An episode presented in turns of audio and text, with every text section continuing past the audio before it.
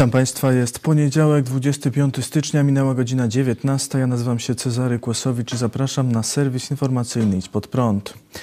Czy karabinek polskiej konstrukcji okazał się niewypałem? Portal Onet przedstawił dziś ocenę karabinków MSBS GROT używanych przez Wojska Obrony Terytorialnej.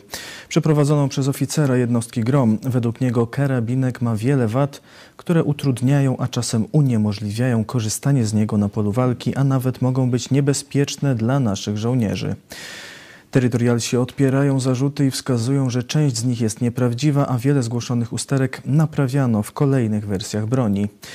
Kontrakt na zakup ponad 50 tysięcy karabinków polskiej konstrukcji podpisał w 2017 roku ówczesny minister obrony Antoni Macierewicz. Jak relacjonuje Onet w trakcie podpisywania kontraktu, zadanie sprawdzenia broni Wojskowa Akademia Techniczna powierzyła m.in. doświadczonym żołnierzom jednostki specjalnej GROM. W raporcie po testach żołnierze wymienili wiele wad karabinka. Rozpadające się zamki, zrywające się kurki, wypinające się mocowanie pasa. Podstawowy problem polegał na tym, że konstrukcja mocowania regulatora gazowego nie została zabezpieczona i podczas użytkowania wypadał. Mieliśmy strzelanie, podczas którego z każdego z pięciu karabinków wyleciał regulator gazowy. Bez tego urządzenia broń się nie przeładuje, karabin nie wystrzeli, powiedział Onetowi były żołnierz Grom, który testował grota. Mimo tych wad, żołnierze ocenili, że grot to dobra broń, ale trzeba ją dopracować. Powiedziano nam, że jesteśmy zmanierowani, bo jesteśmy gromem i mieliśmy okazję działać na najlepszym sprzęcie. Dano nam do zrozumienia, że nie jesteśmy obiektywni, a przedstawiciele zakładu w Radomiu mówili, że nic nie zmienią w konstrukcji, bo im się to nie opłaca, relacjonował gromowiec. Karabinek postanowił przetestować były oficer grom, instruktor strzelectwa Paweł Moszner. Po kilku miesiącach prac z udziałem rusznikarza, byłego funkcjonariusza Centralnego Laboratorium Kryminalistycznego Policji, byłych żołnierzy, w tym żołnierzy grom i instruktorów strzelectwa oraz żołnierzy Wojsk Obrony Terytorialnej, przygotowano raport, który opublikował portal Onet. Stwierdzono, że broń szybko się nagrzewa, że często wypadają regulator gazowy oraz tłok broni. Kolba często ulega uszkodzeniom, gdyż materiał, z którego ją wykonano, jest słabej jakości. Podobnie jest z magazynkami, które pękają. Zwrócono też uwagę, że broń bardzo szybko rdzewieje. Ponadto konstrukcja grota sprzyja wnikaniu do środka zanieczyszczeń, które uniemożliwiają strzelanie. Autorzy raportu zwrócili też uwagę na niechlujne wykonanie elementów wewnętrznych suwadła i wodzika. W jednym z egzemplarzy wodzik pękł w czasie strzelania. Autorzy raportu apelują o powołanie ponadpartyjnej komisji sejmowej w celu prześwietlenia sprawy Grota i rozliczenia wydanych na niego pieniędzy. Posłowie Koalicji Obywatelskiej wnieśli o zwołanie specjalnego posiedzenia Sejmowej Komisji Obrony w tej sprawie. Spytaliśmy żołnierza Wojska Obrony Terytorialnej, który używa karabinka Grot, o opinię. Potwierdzam informację o regulatorze gazowym. Wypada, a kosztami są obciążani żołnierze, więc wiążemy go trytytkami. Potwierdzam rdzę, która bierze go tak szybko, że w warunkach bojowych nawet nie chce myśleć. Jeśli chodzi o piasek, to jakaś masakra jest z nim. Jak się chociaż ziarenko dostanie, to zapomnij o strzelaniu.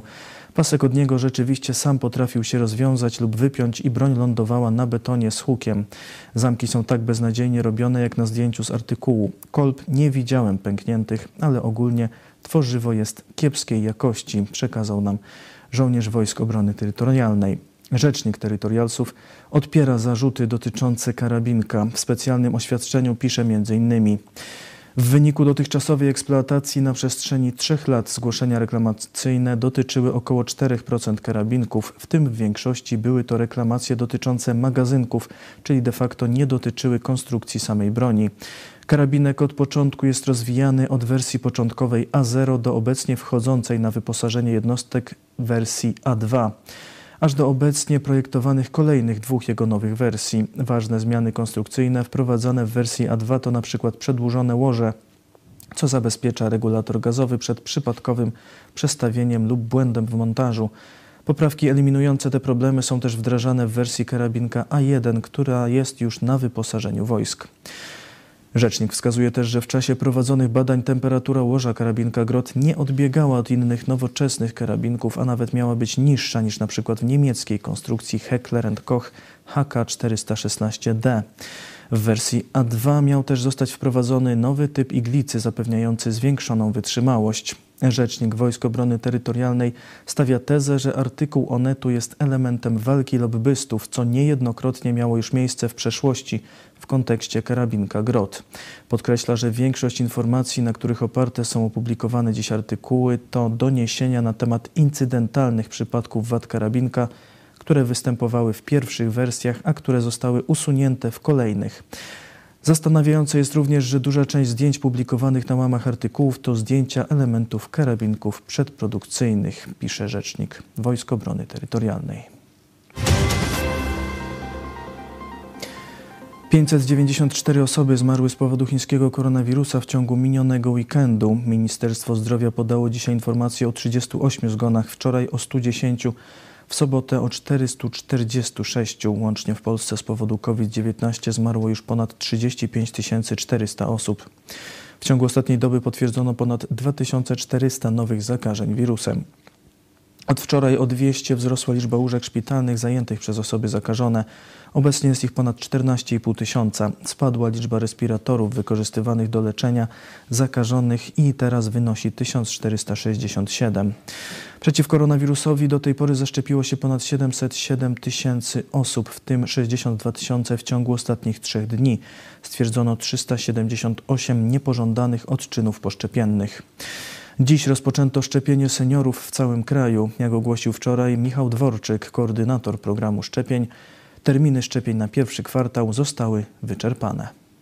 Zgodnie z umową wynegocjowaną przez Komisję e, Europejską z dostawcami szczepionek, Polsce przysługuje do końca pierwszego kwartału liczba szczepionek, która pozwala na zaszczepienie 3,1 miliona Polaków. I dzisiaj mamy już zajętych terminów zarejestrowanych lub w trakcie szczepienia ponad 3 miliony osób. To oznacza, proszę Państwa, że w tej chwili nie mamy już wolnych terminów. To wynika z braku e, szczepionek. Minister Dworczyk zachęcał jednak seniorów, którzy jeszcze się nie zarejestrowali, do zgłaszania chęci zaszczepienia się z wykorzystaniem infolinii o numerze 989 lub przez internet na stronie gov.pl ukośnik szczepimy się lub wysyłając SMS o treści szczepimy się na numer 664 908 556. Gwarantujemy, że każdy senior, który w ten sposób przekaże swoje dane, jak tylko pojawią się szczepionki w Polsce, a w konsekwencji nowe terminy, pracownicy infolinii zadzwonią i zaproponują konkretny termin szczepienia. Już ponad 2 miliony 140 tysięcy osób zmarło na całym świecie z powodu koronawirusa. Tylko wczoraj zmarło prawie 10 tysięcy osób. W sobotę o rekordzie zgonów poinformowała Japonia. W ciągu doby zmarło tam 105 osób. Wczoraj, wczoraj rekord padł w Portugalii, gdzie zmarło 275 osób. W Lombardii na północy Włoch grupa handlowców i biznesmenów wniosła pozew zbiorowy przeciw władzom regionu, którym zarzucają fałszowanie danych epidemicznych. Miało to zdaniem przedsiębiorców doprowadzić do wprowadzenia w regionie epidemicznej czerwonej strefy. Od 17 stycznia obowiązywał tam zakaz wychodzenia z domu bez powodu oraz zamknięte były sklepy z wyjątkiem tych z artykułami pierwszej potrzeby. Przedsiębiorcy zaznaczają, że w wyniku obostrzeń ponieśli ogromne straty. Minister zdrowia Roberto Speranza w sobotę ogłosił, że wprowadza w Lombardii na 15 dni strefę pomarańczową, w której obowiązują łagodniejsze restrykcje.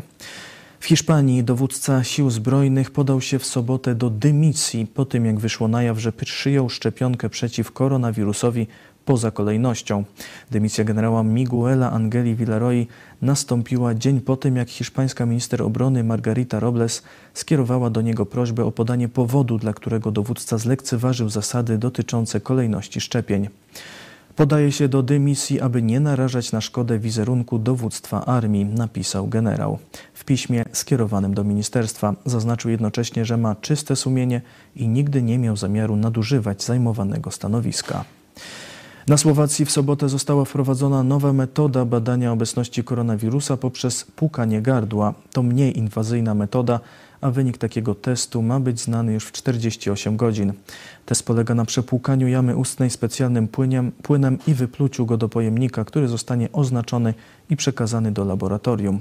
Przed wykonaniem testu przez dwie godziny nie można nic jeść, ani pić, ani nawet płukać ust innym płynem. Z epidemią koronawirusa walczy Tajwan. Prawie 5 tysięcy osób trafiło w ostatnim czasie na kwarantannę na Tajwanie. To najwięcej osób, które równocześnie zostały skierowane do izolacji na Tajwanie od początku epidemii. Tajwańskie służby podjęły decyzję o wysłaniu na kwarantannę każdego, kto w ostatnich tygodniach przebywał lub miał kontakt z osobami, które odwiedziły szpital w mieście Taoyuan, gdzie stwierdzono kilka przypadków zakażenia koronawirusem. Do izolacji trafili lekarze, pielęgniarki, pacjenci szpitala oraz członkowie ich rodzin. Ponad 3000 osób zatrzymano w Rosji podczas sobotnich demonstracji poparcia dla Aleksieja Nawalnego. Lider rosyjskiej opozycji jest w areszcie od czasu powrotu z Niemiec, gdzie leczył się po próbie otrucia. Na ulice wielu rosyjskich miast wyszły dziesiątki tysięcy Rosjan. Manifestacje odbywały się nie tylko w Moskwie czy Petersburgu, ale także w ponad 120 mniejszych miastach w całym kraju, nawet w Jakucku, gdzie w sobotę temperatura spadła do minus 52 stopni Celsjusza. Zatrzymano 3324 osoby. To największa liczba, odkąd obrońcy praw człowieka prowadzą statystyki. Wśród zatrzymanych była żona Aleksieja Nawalnego, Julia. Została zwolniona z komisariatu jeszcze w sobotę. Do uwolnienia zatrzymałych wezwały m.in. Wielka Brytania, Polska, Włochy, Bułgaria, Ukraina i Stany Zjednoczone. Polski minister spraw zagranicznych Zbigniew Rau oświadczył, Polska jest zaniepokojona reakcją państwa rosyjskiego na pokojowe demonstracje. Wzywamy do zaprzestania łamania praw człowieka. W takich okolicznościach Unia Europejska potrzebuje jedności i determinacji. Dwa dni po aresztowaniu Nawalnego jego Fundacja Walki z Korupcją opublikowała na YouTube film dokumentalny pod tytułem Pałac dla Putina historia największej łapówki, który szczegółowo pokazuje luksusową posiadłość nad Morzem Czarnym, która ma być posiadłością prezydenta Rosji. Budynek ma prawie 18 tysięcy metrów kwadratowych powierzchni. Jest w nim teatr, kasyno, oranżeria i podziemne lodowisko. Posiadłość jest warta ponad miliard euro. Według fundacji jest finansowana przez państwowe firmy naftowe Rosnieft i Transnieft. Rzecznik Kremla Dmitrij Pieskow stwierdził, że przypisywanie pałacu prezydentowi Rosji jest kłamstwem. Film o rezydencji Putina pokazała też wczoraj TVP Info. Jeden z elementów filmu stał się symbolem sobotnich protestów. W filmie pokazano szczotkę do toalety znajdującej się w pałacu. Szczotka miała kosztować 700 euro, czyli ponad 3000 zł. Wielu oburzonych Rosjan na sobotnie demonstracje wyszło ze szczotkami toaletowymi w rękach. Doradca Światowej Organizacji Zdrowia uważa, że pandemia rozpoczęła się od wycieku koronawirusa z laboratorium. Futurysta technologiczny dr Jamie Metzl w wywiadzie dla kanadyjskiego dziennika Toronto Sun stwierdził, że choć nie ma na to niezaprzeczalnych dowodów, to pojawia się coraz więcej przesłanek, że koronawirus wydostał się z laboratorium w Wuhan. To może wyglądać jak fantastyka naukowa, ale to jest nauka. Istnieje bardzo kontrowersyjny obszar badań zwany dodawaniem funkcji, gdzie naukowcy zwiększają siłę wirusów. Wiemy, że Instytut Wirusologii w Wuhan był zaangażowany w takie badania nad koronawirusami u nietoperzy, stwierdził ekspert. Dodał, że teorie o pochodzeniu wirusa z targu rybnego są nieprawdziwe. To było kłamstwo i chiński rząd bardzo wcześnie wiedział, że to kłamstwo. W obliczu przytłaczających dowodów w maju zeszłego roku chiński rząd zmienił swoje stanowisko, powiedział Metzl. Jamie Metzl jest członkiem Rady Doradców Światowej Organizacji Zdrowia do spraw edycji genomu i autorem książki Hakowanie Darwina, inżynieria genetyczna i przyszłość ludzkości. Atak na chrześcijan w Stanach Zjednoczonych. FBI bada eksplozję, do której doszło w jednym z kościołów w Kalifornii. Wybuch doprowadził do wybicia okien First Works Baptist Church w mieście El Monte w hrabstwie Los Angeles. Ładunek został podłożony w sobotę kilka tygodni po tym, jak członkom kościoła grożono podpaleniem z powodu poglądów pastora i surowej retoryki wobec społeczności LGBT. Lokalny serwis informacyjny KTLA-5 poinformował, że nikt nie odniósł obrażeń, ale 14 domów i 8 mieszkań w pobliżu kościoła zostało tymczasowo ewakuowanych. Rzeczniczka FBI Laura A. Miller powiedziała, że jest za wcześnie, by stwierdzić, czy atak można uznać za przestępstwo z nienawiści.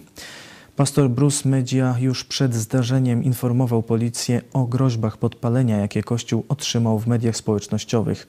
W rozmowie z gazetą The Press Telegram opowiedział, że wspólnota jest nękana przez członków grupy LGBT, którzy po obejrzeniu jednego z jego kazań w internecie chcą wyrzucić jego i jego kościół z miasta. zbierają podpisy pod petycją, aby Kościół przestał funkcjonować. Petycja internetowa wystosowana trzy tygodnie temu wzywa burmistrza El Monte do uznania First Works za grupę nienawiści i do wyprowadzenia ich z miasta. Petycję poparło ponad 15 tysięcy osób. Chociaż nie ma jeszcze oficjalnych informacji na temat motywu sobotniego bombardowania, nie jest to pierwszy raz, gdy ta wspólnota chrześcijańska jest atakowana. Prawnik Donalda Trumpa pozwany za twierdzenie, że wybory sfałszowano. Firma Dominion Voting System pozwała Rudiego Giulianiego za twierdzenia o fałszowaniu wyborów. Firma żąda ponad miliarda dolarów odszkodowania. W pozwie producent maszyn do głosowania twierdzi, że Rudy Giuliani fabrykował i rozpowszechniał teorie spiskowe o ich produktach w kontekście ostatnich wyborów prezydenckich w Stanach Zjednoczonych.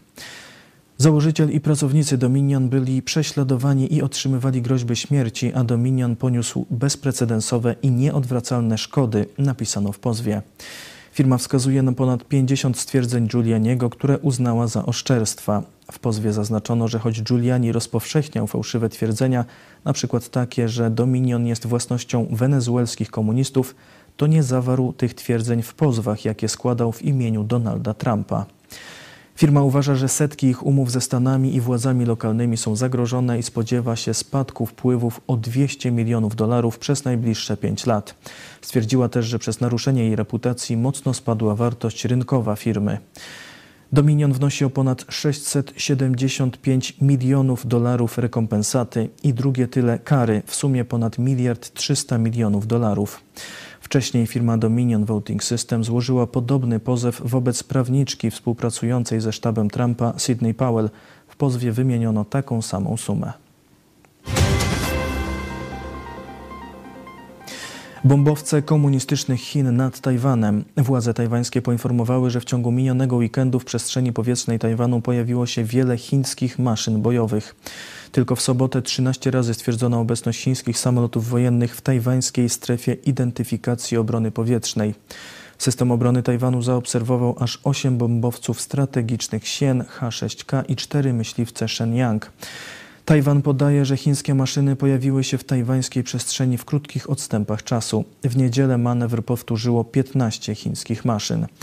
Emily Horn, rzeczniczka amerykańskiej Rady Bezpieczeństwa Narodowego, określiła poziom wsparcia Tajwanu przez Stany Zjednoczone jako solidne. Rzecznik Departamentu Stanu Ned Price powiedział: Wzywamy Pekin do zaprzestania nacisków wojskowych, dyplomatycznych i ekonomicznych na Tajwan, a zamiast tego do podjęcia konstruktywnego dialogu z demokratycznie wybranymi przedstawicielami Tajwanu. Decyzją Waszyngtonu grupa okrętów marynarki amerykańskiej wpłynęła w sobotę na wody Morza Południowochińskiego. Amerykańskie dowództwo Indo-Pacyfiku podało w oświadczeniu, że jest to rutynowa misja, której celem jest promowanie wolności mórz i budowanie partnerstwa sprzyjającego bezpieczeństwu na morzu. Komunistyczne Chiny rozdają miliony e-yuanów. Chińskie władze coraz szybciej dążą do całkowitego przejścia na obrót bezgotówkowy. Marcin Palimonka. Komunistyczne Chiny kontynuują swoje prace nad wdrożeniem wirtualnej waluty. Chińskie banki w grudniu zorganizowały loterię, w której rozdano 10 milionów e-yuanów 50 tysiącom mieszkańcom miasta Shenzhen. Podobną loterię zorganizowano w mieście Suzhou we wschodnich Chinach, gdzie rozdano 20 milionów wirtualnych yuanów 100 tysiącom obywateli. Loterie miały na celu sprawdzenie, jak radzi sobie wirtualny pieniądz w praktyce. Kolejny tego typu test rozpoczął się w styczniu w Shenzhen. Tym razem sprawdzana ma być funkcjonalność płatności offline przy pomocy kodu QR. Zaletami chińskiego yuana w porównaniu do już istniejących na chińskim rynku rozwiązań umożliwiających płatności online jest brak prowizji pobieranych od transakcji i możliwość korzystania z niego w trybie offline. Elektroniczny yuan ma zostać w pełni wdrożony do Igrzysk Olimpijskich w lutym 2022 roku. Testy są przeprowadzane więc coraz częściej i mają coraz większy zasięg. Chiny chcą być pierwszym na świecie krajem bezgotówkowym. Warto wspomnieć, że korzystanie w całości z elektronicznej waluty oznacza dla obywateli całkowitą kontrolę transakcji przez państwo. To wszystko w tym wydaniu serwisu. Dziękuję Państwu za uwagę. Kolejny serwis jutro o 19, a jeszcze dziś zapraszam na 20.30 Biblia w czasie zarazy i apokalipsa. Do zobaczenia.